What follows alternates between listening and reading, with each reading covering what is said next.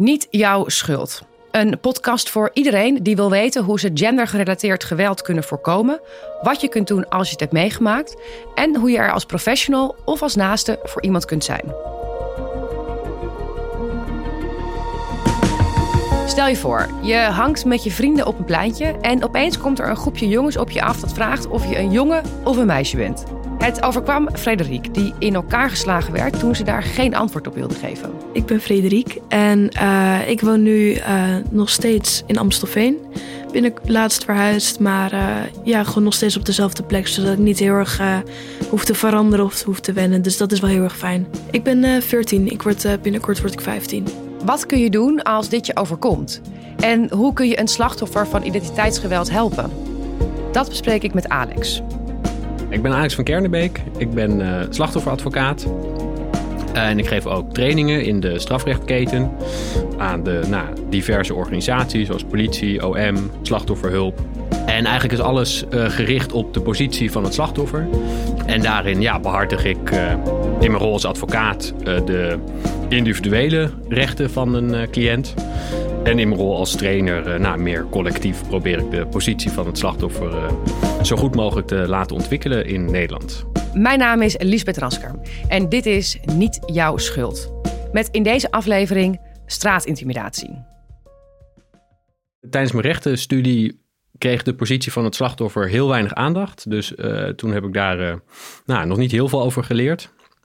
Maar per toeval ben ik met de positie van het slachtoffer in aanraking uh, gekomen. Een buurvrouw van, nou, waar ik destijds tien jaar gewoond heb in de pijp. Die werd slachtoffer van een ernstige woningoverval. En toen heb ik van, nou ja, enigszins dichtbij meegemaakt wat de impact op haar was. Nou, wat er allemaal op haar afkwam. En ik was toen net een beetje zoekende wat ik precies wilde. Ik had wel ervaring opgedaan in de strafadvocatuur, dus meer aan de kant van verdachten. Mm -hmm. nou, vond ik inhoudelijk ook heel interessant. Maar lag denk ik, ja, als, bij mij als mens iets minder dichtbij. Um, en toen hoorde ik over uh, Slachtofferhulp Nederland. Uh, daar waren toen uh, allerlei vacatures gekomen. En daar ben ik begonnen. toen nog niet als advocaat, maar als jurist, als juridisch medewerker. Nou, en ik kwam in zo'n warme organisatie terecht. met heel veel fijne collega's om me heen. Kon mezelf heel mooi ontwikkelen. niet alleen op juridisch vlak, maar ook juist die menselijke kant. Dan geef je ook die trainingen. Ja. Kun je daar wat over vertellen? Wat voor trainingen zijn dat? Hoe gaan die in zijn werk? Ja, um, nou eigenlijk heb, heeft het altijd te maken met de positie van het slachtoffer. Mm -hmm. Dus uh, uh, bijvoorbeeld voor de politie, uh, hoe kunnen zij aan de voorkant een slachtoffer goed beoordelen op kwetsbaarheid, op beschermingsbehoeften, op de wensen die zij hebben.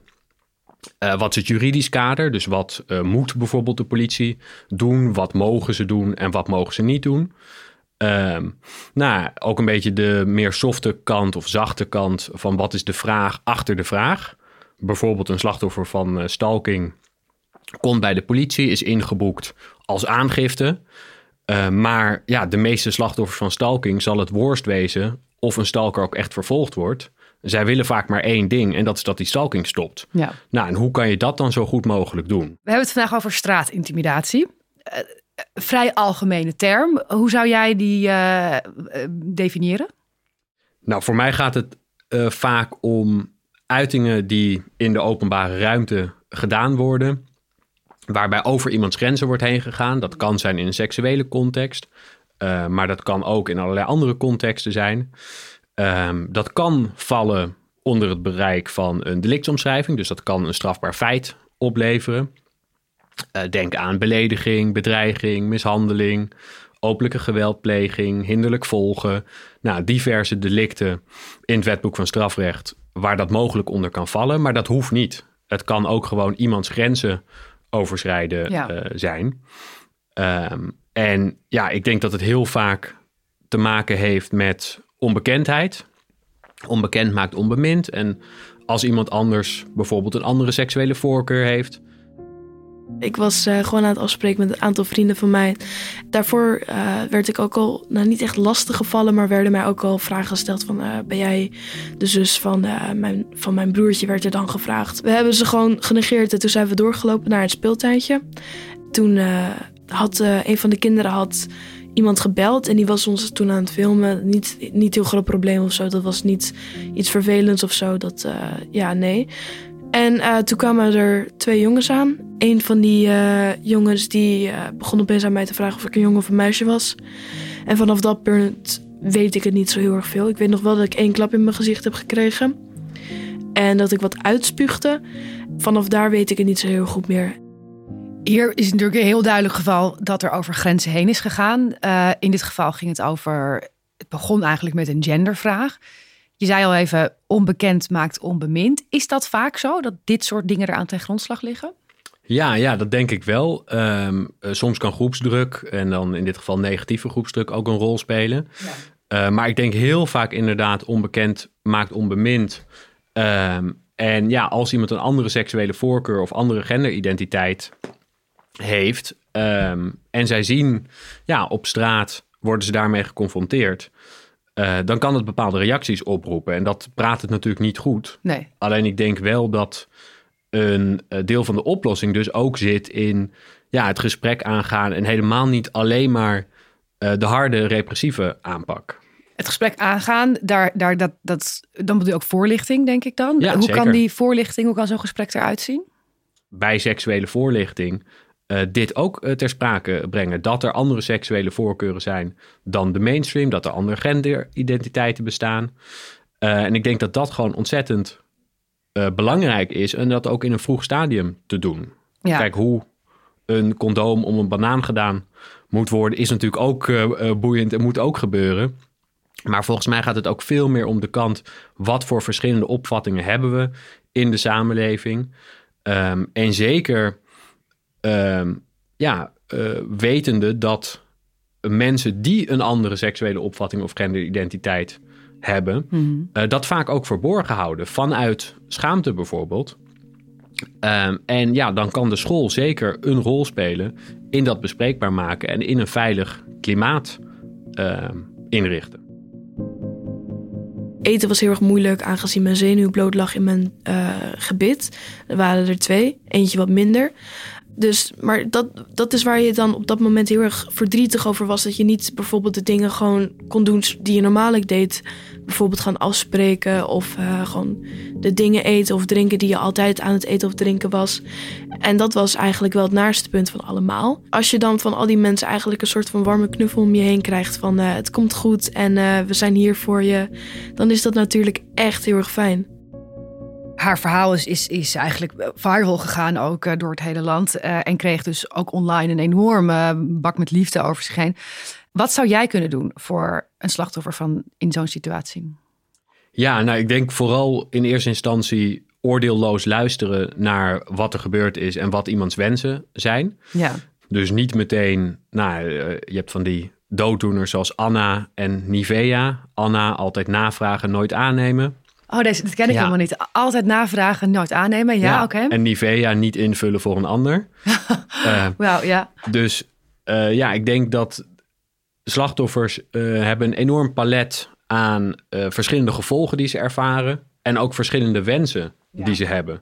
Dus er kan een wens zijn om nou, dat de daders bestraft worden. Maar er kan ook een wens zijn dat die mensen tot inzicht komen. Of uh, dat iemand gewoon heel veel vragen heeft van waarom is dit mij overkomen? Ja. Uh, nou, en afhankelijk van die wensen zal, kan ik kijken, oké, okay, uh, hoe kunnen we zorgen dat die wensen ook ten uitvoer worden gebracht? Dus bijvoorbeeld in gesprek gaan met een pleger. Nou, daar zijn organisaties voor. er zijn zowel mogelijkheden in het strafproces, mediation in het strafproces, als los van het strafproces, slachtoffer-dadercontact, herstelbemiddeling. Ja. Nou, dat laatste wordt bijvoorbeeld gedaan door perspectief herstelbemiddeling. Uh, dat is een organisatie, zusterorganisatie van Slachtofferhulp Nederland. Die, nou, ik dacht al sinds 2005 uh, dit soort contacten begeleidt. Uh, nou, en in de zaken waar ik slachtoffers heb bijgestaan en er zo'n herstelgesprek heeft plaatsgevonden, was eigenlijk vrijwel iedereen uh, daar heel positief over. Ja, want wat, wat levert dat dan op, zo'n gesprek? Wat je vaak ziet bij slachtoffers is dat een pleger gedemoniseerd wordt. Dus die wordt eigenlijk veel groter en gevaarlijker gemaakt dan hij in werkelijkheid is. Ik zeg hij, maar kan natuurlijk ook zij zijn. Ja. Um, en als er een uh, herstelgesprek plaatsvindt, wordt iemand weer eigenlijk teruggebracht tot de werkelijke proporties. En uh, dat hoeft zeker niet altijd tot vergiffenis of zo te leiden. Uh, dus het is ook maar net hoe ik de vraag stel. Als ik een slachtoffer de vraag stel van wil jij met verdachte in gesprek gaan? Nou, dan denk ik dat 9 op de 10 nee zegt. Maar als ik de vraag stel, wil jij verdachte confronteren met wat het jou allemaal gedaan heeft? Of wil jij afspraken maken dat als je elkaar straks weer tegenkomt op straat of op school of in de buurt of op werk of waar dan ook, ja, uh, dat je duidelijk hebt hoe je met elkaar omgaat. Gaat de een de straat oversteken? Groet je elkaar? Ga je het vertellen bij gemeenschappelijke contacten? Nou, als ik dat soort vragen stel, uh, dan zegt opeens 9 op de 10 ja, dat wil ik wel. Ja. Uh, en het is altijd op basis van vrijwilligheid van uh, beide partijen. Dus de andere kant moet het natuurlijk ook willen. Er zitten wel bepaalde voorwaarden aan verbonden. Um, en niet iedere zaak leent zich ervoor. Maar ik denk wel dat dit, dit iets is wat we veel vaker kunnen inzetten dan we tot nu toe doen. Ik weet sowieso dat ik natuurlijk niet alles opeens in één klap kan veranderen. Maar gewoon dat mensen wel een beetje rekening mee houden dat dit soort dingen uh, ook gewoon gebeuren. Dus dat ik absoluut niet de enige persoon ben. En uh, dat ik ook heel graag wil dat, dat het zoveel mogelijk eigenlijk voorkomt. Dus als je iemand bijvoorbeeld ziet uh, die bijvoorbeeld wordt uitgescholden omdat ze naast een vriend zitten, bijvoorbeeld, dan moet je er ook ja, er wat van zeggen, vind ik. Want anders zullen mensen daar altijd mee rondlopen en zich heel erg alleen erbij voelen. Bijvoorbeeld laat ze gewoon met rust. Dat zijn hele simpele woorden die je gewoon kan zeggen. En dat betekent al heel veel voor dat soort mensen. Of voor, uh, voor mensen die zich daar heel erg alleen in voelen. Bijvoorbeeld, uh, ik, ik ben er voor je. Of daarna naar ze toe komen van uh, ik ben er voor je en het komt goed. Of als die andere mensen er nog zijn, bijvoorbeeld zeg laat ze met rust of ga weg. Of uh, laat ze gewoon hier zitten. Dat zijn hele simpele dingen, maar die kunnen echt heel veel doen. Heb je ook wel slachtoffers gehad die helemaal geen groot vangnet hebben, die er eigenlijk in hun eentje voor staan? Ja, zeker. En ook zelfs al hebben ze een vangnet, uh, mensen die de verkeerde reacties geven. Dus wat we heel veel zien en wat gelukkig ook steeds meer aandacht krijgt, ook in de media, is victim blaming. Ja. Dus het slachtoffer die zelf uh, de schuld in de schoenen geschoven uh, krijgt. En ja, dat kan leiden tot met een dure term secundaire victimisatie. Uh, wat eigenlijk betekent dat iemand zich opnieuw slachtoffer voelt. Niet zozeer ja. van een nieuw strafbaar feit, maar wel van de reactie door de omgeving, soms ook reactie door strafrechtprofessionals. Uh, ja, dat is denk ik heel kwalijk. Dus het is belangrijk dat de omgeving oordeelloos luistert uh, en ja, zoveel mogelijk aansluit en afstemt op de behoeften van het slachtoffer. Dus of dat nou als professional is, ja. of als jij iemand in je privéomgeving hebt die slachtoffer uh, is, wees er gewoon voor iemand. Dwing iemand ook niet om het verhaal te vertellen. Uh, want sommige slachtoffers hebben daar helemaal geen behoefte aan. Bovendien ja, voedt dat vaak meer de nieuwsgierigheid van de omstanders dan dat dat per se helpend is. Oh ja, interessant. ja. Ja, dus kijk, sommige mensen hebben zelf de behoefte om het verhaal te vertellen. Ja. Nou, dan moet dat natuurlijk kunnen. Uh, maar als ze die behoefte niet hebben, dan is het veel wenselijker, zeker als omgeving en vaak ook als professional, om te focussen op de gevolgen van iemand. Dus wat jou is overkomen, uh, ik weet het niet precies. Stel, jou zou iets zijn overkomen. Ja. Um, wat ik er wel over heb gehoord, dit had nooit mogen gebeuren. Uh, nou, dat is echt kwalijk dat dat jou is aangedaan. Je hebt daar zelf absoluut geen schuld aan. Uh, en ja, als je erover wil praten, ik ben er voor je. En luister vooral naar wat iemands behoefte is. En dat kan ook gewoon zijn het er even vooral niet over hebben en een avondje ontspanning. Je hoofd leegmaken, lekker gaan sporten. Ja, uh, ja dat soort zaken. Is dit um, dat victim blaming en die secundaire victimisatie, zeg ik het nu goed? Ja. Is het ook een onderdeel van je trainingen? Ja, zeker. Ja, absoluut. Kun je uh, iets stellen over hoe dat, hoe dat stuk eruit ziet? Uh, ten eerste de, de gedachte van waar komt victim blaming eigenlijk vandaan? En nou, er zijn twee theorieën die, die leiden tot victim blaming. allereerst het geloof in een rechtvaardige samenleving. Ehm, dat is een nou, theorie alweer uit de jaren tachtig. Mm-hmm. Waarin werd gesteld van wij als mensen hebben eigenlijk heel diep een geloof dat ja, de wereld rechtvaardig is. Dus ja. wie goed doet, goed ontmoet. Ja. Maar ook de mensen ja, die kwaad worden gedaan, die hebben dat aan zichzelf uh, te wijten. Als we dat loslaten en ervan uitgaan dat er ook gewoon een hele hoop willekeur is in de samenleving, die er natuurlijk in werkelijkheid ook is, ja, dan vinden we dat moeilijk om te verkroppen. Want dat betekent dus ook dat jouw inspanningen niet altijd leiden tot goede resultaten. En daarom, als iemand een slachtoffer wordt, vinden we het vaak makkelijker om dat in ons eigen plaatje te passen door de schuld bij dat slachtoffer te zoeken. Want dan is het logisch, dan kunnen we het verklaren. Exact. Ja, dan is het logisch, kunnen we het verklaren. Ja. En de tweede theorie is de fictie van onkwetsbaarheid. Die er eigenlijk van uitgaat dat ja, wij onszelf continu wijsmaken dat wij geen slachtoffer zullen worden van een heftige gebeurtenis. Uh, terwijl natuurlijk in werkelijkheid het ons allemaal kan overkomen. Ja. En op het moment dat iemand dan slachtoffer wordt, en wij kunnen zeggen van, oh ja, maar dat slachtoffer had zelf geen aandacht voor zijn omgeving. Ik heb dat wel, dus het zal mij niet overkomen. Dat is denk ik een van de oorzaken van victim blaming. Dus Ehm, op zich is het een menselijke respons. En ik denk dat het vooral van belang is dat mensen zich dat beseffen. En dat ze vervolgens ja, misschien wel het gevoel hebben van: oh ja, ik wil hier een victim blaming opmerking maken. Maar in hun handelen, ja, daar eerst wat afstand van nemen. En vervolgens weer aansluiten en afstemmen bij wat is nou de behoefte van dit slachtoffer. Ik ken deze mensen ook helemaal niet, die naar mij toe kwamen of met mij in gesprek aan probeerden te gaan. Maar ik hoop dat ze wel bewust ervan zijn dat dit eigenlijk niet zo hoort en dat geweld absoluut niet de bedoeling erbij is.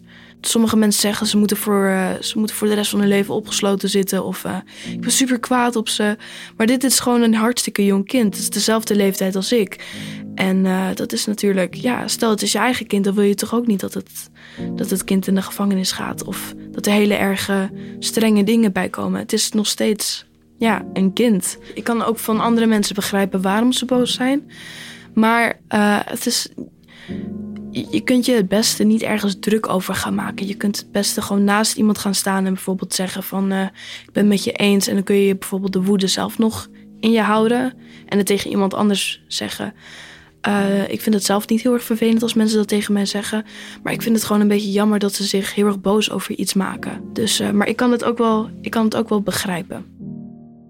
Zij gaat zelfs naast de pleger staan. Ja, ja, is uh, dat iets wat je, wat je vaker ziet of is dat uh, een uitzonderlijke reactie? Uh, nee, ja. kijk, er zijn natuurlijk ook mensen die wel heel erg boos zijn. Ja. Um, wat ik vaak zie is op het moment dat een slachtoffer meer te weten komt over de pleger, over de verdachte of over de dader, dat zij dan ook vaak meer begrip krijgen voor de situatie. Dus op het moment dat ze nog heel weinig informatie hebben, ja, dan willen ze misschien dat iemand aan de hoogste boom wordt opgeknoopt. Maar op het gevoel, op het moment dat zij informatie krijgen over de context van de zaak, over iemands persoon, over iemands achtergrond, op het moment dat ze zelf ook gehoord worden, ja, dan zie je vaak dat er veel mildere reacties komen, ook vanuit slachtoffers, dus ook op heftige uh, delicten. Um, ja, en dat andere wensen, zoals herstelbemiddeling, uh, sneller naar voren ja. komen. Ik merk dan uit een soort eigen reflex uh, dat ik dan denk, ja, uh, om verzachtende omstandigheden, ho even, ik ben in elkaar getimmerd op straat, het, het zal me wat. Ja. Dat iemand, hè, dat, dat, dat wordt een grote aanspraak gedaan op je, op je empathisch vermogen dan. Ja, nee, en dat hoeft natuurlijk ook zeker niet. Dus volgens mij, als jou iets rottigs is aangedaan, zoals bij Frederik, ja, mag je ook gewoon ontzettend pist zijn. Ja. Ehm, en ja, ik hoop ook dat uh, je omgeving daar dan goed mee om zal uh, gaan. Uh, daarom des te mooier dat ja, ehm, zij er op deze manier mee omgaat. Wat zijn de verschillende manieren waarop je een pleger benadert altijd met dit soort dingen? Ja, um, nou zoals in het voorbeeld van Frederik ging het natuurlijk om een minderjarig iemand. Ja. nou, een van de afdoeningen die we in Nederland hebben is de zogenaamde HALT-afdoening. En dat staat voor het alternatief. Nou, best wel iets unieks in, uh, in de wereld, uh, hoe we daarmee omgaan. En haltinterventie is eigenlijk iets wat zich vooral leent bij mensen die het voor het eerst in hun leven in aanraking komen met politie en justitie. Ja. In uitzonderingsgevallen kan het ook nog wel bij een tweede of derde vergrijp, maar vooral uh, voor een eerste keer. Um, ja, waarbij iemand zonder dat dat een strafblad oplevert, even simpel gezegd, een ja, een reactie krijgt vanuit uh, de samenleving. En halt, uh, daar kan bijvoorbeeld een werkstraf onderdeel van zijn. Uh, maar soms ook een leerstraf of een combinatie daarvan. En er zit ook altijd een onderdeel in verantwoordelijkheid nemen voor je daden. Dus bijvoorbeeld een excuusbrief schrijven naar het slachtoffer. Of een opstel schrijven over wat je ervan geleerd hebt, wat je anders zou doen. Ja. Nou, en dat zorgt denk ik ook tot, ja, waar we het over hadden, uh, van onbekend maakt onbemind, de kennis bij iemand, dat iemand ervan leert. Ja. Uh, we weten ook, ja, dat haalt al in rechtsvergelijkende onderzoeken, ja, echt uh, tot een lagere recidive leidt dan andere strafrechtelijke interventies. Ja, dat je meteen bij het begin af aan al voorkomt dat iemand dit gaat normaliseren voor zichzelf. Ja, ja. kijk, er wordt natuurlijk soms vanuit de samenleving gezegd: een werkstraf is iets heel softs. Uh, maar een werkstraf, en ja, halt is dan nog een specifieke vorm natuurlijk, uh, is vaak veel beter voor een dader vanuit het perspectief van uh, lagere recidieve kans dan bijvoorbeeld een gevangenisstraf. Oh ja? ja, de exacte percentages heb ik niet, niet bij de hand. Maar aanzienlijk lager. En dat is natuurlijk ook logisch als je bedenkt dat detentie ja, iemand echt uit de omgeving trekt. Iemand, de kans dat iemand zijn baan verliest uh, daardoor groter is. Ja. Uh, de kans dat iemand zijn woning verliest daardoor groter is. Nou, en drie van de recidieve beperkende dingen zijn de zogenaamde drie W's. Wonen, werken, wederhelft. Een nou, plat werd ook wel eens gezegd, wonen, werken, wijf. Nou, en als je een van die W's weghaalt bij iemand, ja, dan is automatisch de kans op recidive natuurlijk groter. En dat is wel wat uh, je vergroot met detentie. Ik zeg helemaal niet dat, kijk, als er heftige vergrijpen zijn, zeker als iemand keer op keer de fout ingaat, heb je natuurlijk ook andere strafdoelen dan preventie. Ja. Op een gegeven moment is het ook een keer klaar. En ja, ga je ook kijken naar vergelding. Ja. Uh, en ik denk ook dat de wens van het slachtoffer daar op zijn minst in meegenomen zou moeten worden. Um, en ik, ja, tegelijkertijd denk ik ook dat het goed is om het perspectief van recidive wel voor ogen te houden. Dus ja, de rechtbank moet dat allemaal meenemen en daar uiteindelijk tot een goed oordeel komen. Als je niemand hebt, je kunt altijd bij mij terechtkomen. Ik weet niet of, dat, uh, of mensen daar überhaupt wel over nadachten, maar um, zoveel mogelijk daar eigenlijk over praten als je er heel slecht bij voelt. En als je echt niemand vertrouwt of echt niemand hebt, dan kun je ook gewoon bijvoorbeeld een, een dagboek of gewoon een klein schrift kopen en daar dan bijvoorbeeld dingen inzetten. Of tegen je teddybeer praten of zoiets. Of tegen je huisdier die uh, er toch helemaal niks mee kan. Maar ja, dat, dat, dat is wel iets dat, het, dat er bijvoorbeeld uit je kan komen. En als je je later weer comfortabel erbij voelt om het toch tegen iemand anders te zeggen. En je hebt iemand wie je heel erg vertrouwt doe dat dan zeker. En vooral als er geweld bij komt, dan uh, moet je er sowieso uh, over praten. En vooral tegen iemand zeggen wat er allemaal is gebeurd. Het komt sowieso goed. Er is altijd wel iemand die je uh, altijd warm vastpakt. Dus, een reactie als deze is, is natuurlijk echt nou, van, van een ongelofelijke klasse. Hoe ga jij om met een, met een, met een cliënt, een slachtoffer, die juist helemaal dichtklapt? Die helemaal zich is afgesloten, niet meer mee bijna niet nou, meer mee te praten is. Vooral proberen rust en veiligheid te creëren. Dus duidelijk te maken dat dat ook oké is uh, op zo'n moment. Ja. Uh, nou, er is ook zo'n cliché zinnetje. Uh, normale reacties op een abnormale gebeurtenis. Dus ja, er is gewoon een heel palet aan reacties die slachtoffers laten zien. En in eerste plaats ja, moet je dat herkennen. Kun je een, kun je een paar voorbeelden geven van dat palet? Nou, mensen die bijvoorbeeld uh, verminderd uh, slaap hebben. Uh, mensen die eetproblemen uh, krijgen. mensen die ontzettend boos zijn. Herbelevingen. Spanning en irritatie in de thuissituatie. nou, diverse reacties die slachtoffers laten zien. En eigenlijk in die eerste periode is dat nog helemaal niet psychisch abnormaal. dat valt gewoon echt nog in het normale palet. En ja. het is pas als mensen na verloop van tijd, bijvoorbeeld na een maand of twee, als er dan nog geen verbetering te zien is en het ja, nog steeds totaal niet lukt om de draad van het leven weer op te pakken, dan is er vaak uh, professioneel ingrijpen uh, nodig. Bijvoorbeeld nou, als mensen echt een posttraumatisch stresssyndroom zouden hebben opgelopen, dan heb je dingen als EMDR-therapie, cognitieve gedragstherapie, exposure-therapie, nou, allerlei vormen van evidence-based therapieën en behandelingen die slachtoffers vaak weer verder kunnen helpen. Ja. Het zal de herinnering natuurlijk aan zo'n ingrijpende gebeurtenis niet wegnemen. Maar de emotionele lading die daarop rust, kan wel afnemen. Ja, en, en, en wat je in het begin zei, uh, rust en veiligheid creëren. Ja. ehm, ik stel me voor, er komt een jong iemand, er is iets ergs gebeurd. Jij bent ook een onbekende in eerste instantie. Hoe Ja. doe je dat? Hoe, hoe geef jij dan op dat moment die rust en die veiligheid aan iemand? Nou, vooral duidelijk maken dat het niet meteen over het misdrijf hoeft eh, te gaan. Dus eh, eh, ja, vooral gewoon eerst even eh praatje pot, eh, contact maken met iemand. Eh, verbinding zoeken, misschien wat over mezelf eh, vertellen. eh, vertellen over mijn rol. duidelijk maken dat alles vertrouwelijk is wat iemand mij Heb je die gesprekken in het geval van minderjarigen met de ouders erbij of zonder de ouders? Dat hangt ervan af. ook hoe minderjarig iemand is. Iemands eigen wens natuurlijk ook. Ehm, eh, kijk, in principe tot en met elf eh, vindt dat altijd plaats met de ouders. soms zelfs alleen met de ouders. Eh, dan is het ja, vanuit mijn juridische rol niet altijd eh, nodig dat ik een kind alleen spreek. Eh, naarmate iemand ouder wordt, ja, eh, eh, gaat natuurlijk de wens van het kind eh, een steeds belangrijke rol spelen. En het gebeurt ook soms dat ouders helemaal niet op de hoogte zijn van het delict, laat staan van de impact. Eh, en dat moet natuurlijk ook kunnen, zeker. Ja. Dat, dat, dat, dat een slachtoffer dat helemaal niet wil vertellen aan Ja. de thuissituatie. Ja, Is dat dan jouw, is dat dan jouw taak om dat dan te gaan vertellen? Of, waar, of hoe, hoe, hoe werkt dat? dat hangt er heel erg van af. Kijk, als het verteld moet worden, is dat niet per se mijn taak om dat te doen. Ehm, maar ik kan natuurlijk wel meedenken wat een goede manier zou zijn om dat te vertellen. Ja. Eh, ja, er zijn het- natuurlijk ook situaties denkbaar waarin het iemand verder in gevaar kan brengen. Eh, denk aan ehm, eh, nou, bepaalde culturen waar het bijvoorbeeld not done is om al seksueel actief te zijn eh, voor het huwelijk. Laat Ja. staan op jonge leeftijd. En stel, dit was een delict. eh, stel, het was bijvoorbeeld een meisje die een jongen had gepijpt en dat is gefilmd. En ze wordt vervolgens onder druk gezet met die beelden. Nou, dan hebben we het over sextortion.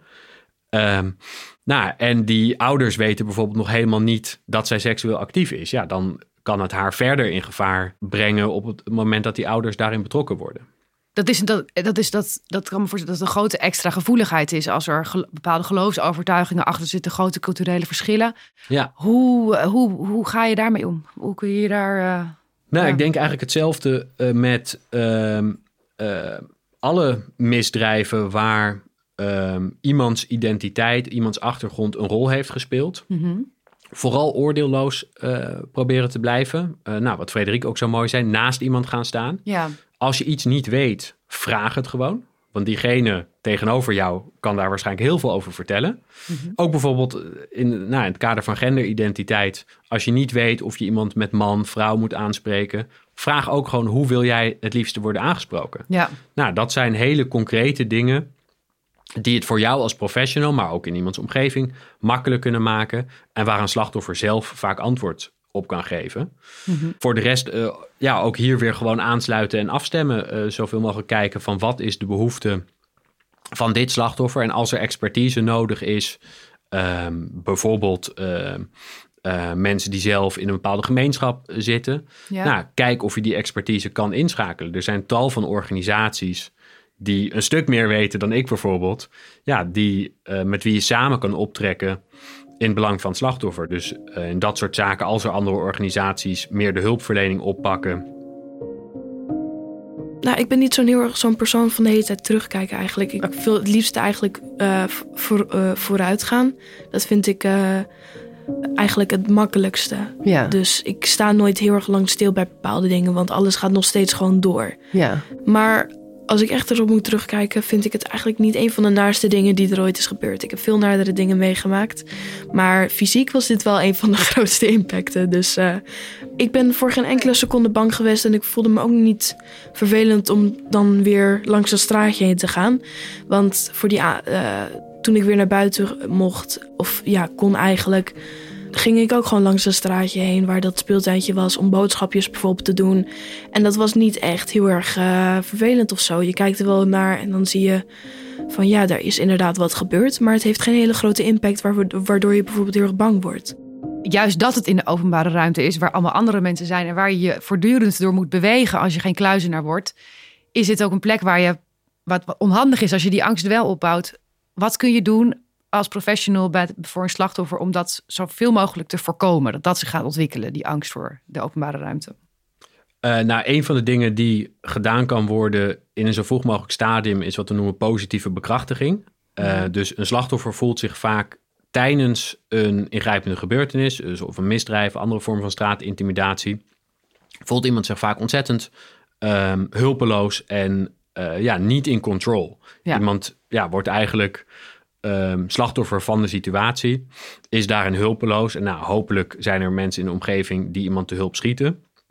Maar zeker als dat niet gebeurt of niet tijdig, ja, uh, kan iemand um, echt een gevoel van controle uh, verliezen en zich onveilig voelen. Ja. Nou, en positieve bekrachtiging is eigenlijk dat jij uh, iemand erop wijst wat iemand wel goed heeft gedaan. Want iemand voelt zich vaak van, nou, ik heb van alles fout gedaan. We hadden het over victim blaming eerder, maar je hebt ook zelfblaming. Mm -hmm. Dus slachtoffers die zichzelf de schuld in de schoenen schuiven. Dat is iets wat we ontzettend vaak zien bij slachtoffers. En ook dat is um, eigenlijk een soort um, copingmechanisme. Want op het moment dat jij jezelf de schuld geeft, kan je nog zeggen van, oh ja, nou dat kan ik dus veranderen. Want jij bent over oh ja. jezelf in controle. Ja.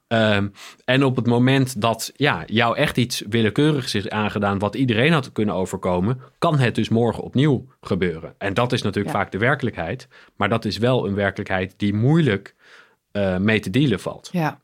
Nou, en positieve bekrachtiging is dus zeggen van, nou, wat heb jij uh, wel goed gedaan? Dus bijvoorbeeld, wat goed dat je meteen omstanders om hulp hebt gevraagd. Ja. Wat goed dat je meteen 1 en 2 hebt gebeld. Wat goed, zoals in Frederiks voorbeeld, um, dat meteen de vader werd gebeld. Ja. Um, nou, uh, wat goed dat je meteen je netwerk hebt ingeschakeld. Wat goed dat je erover na hebt gedacht hoe jij uh, om wilt gaan met deze zaak. Uh, wat goed dat je dat gesprek op school bent aangegaan. Zie je als, je, als je dat tegen ze zegt, zie je dan dat dat bij ze aankomt, zeg maar? Is dat dan van het zeggen, oh inderdaad? Of, of ja, ja dat kan echt uh, het verschil maken.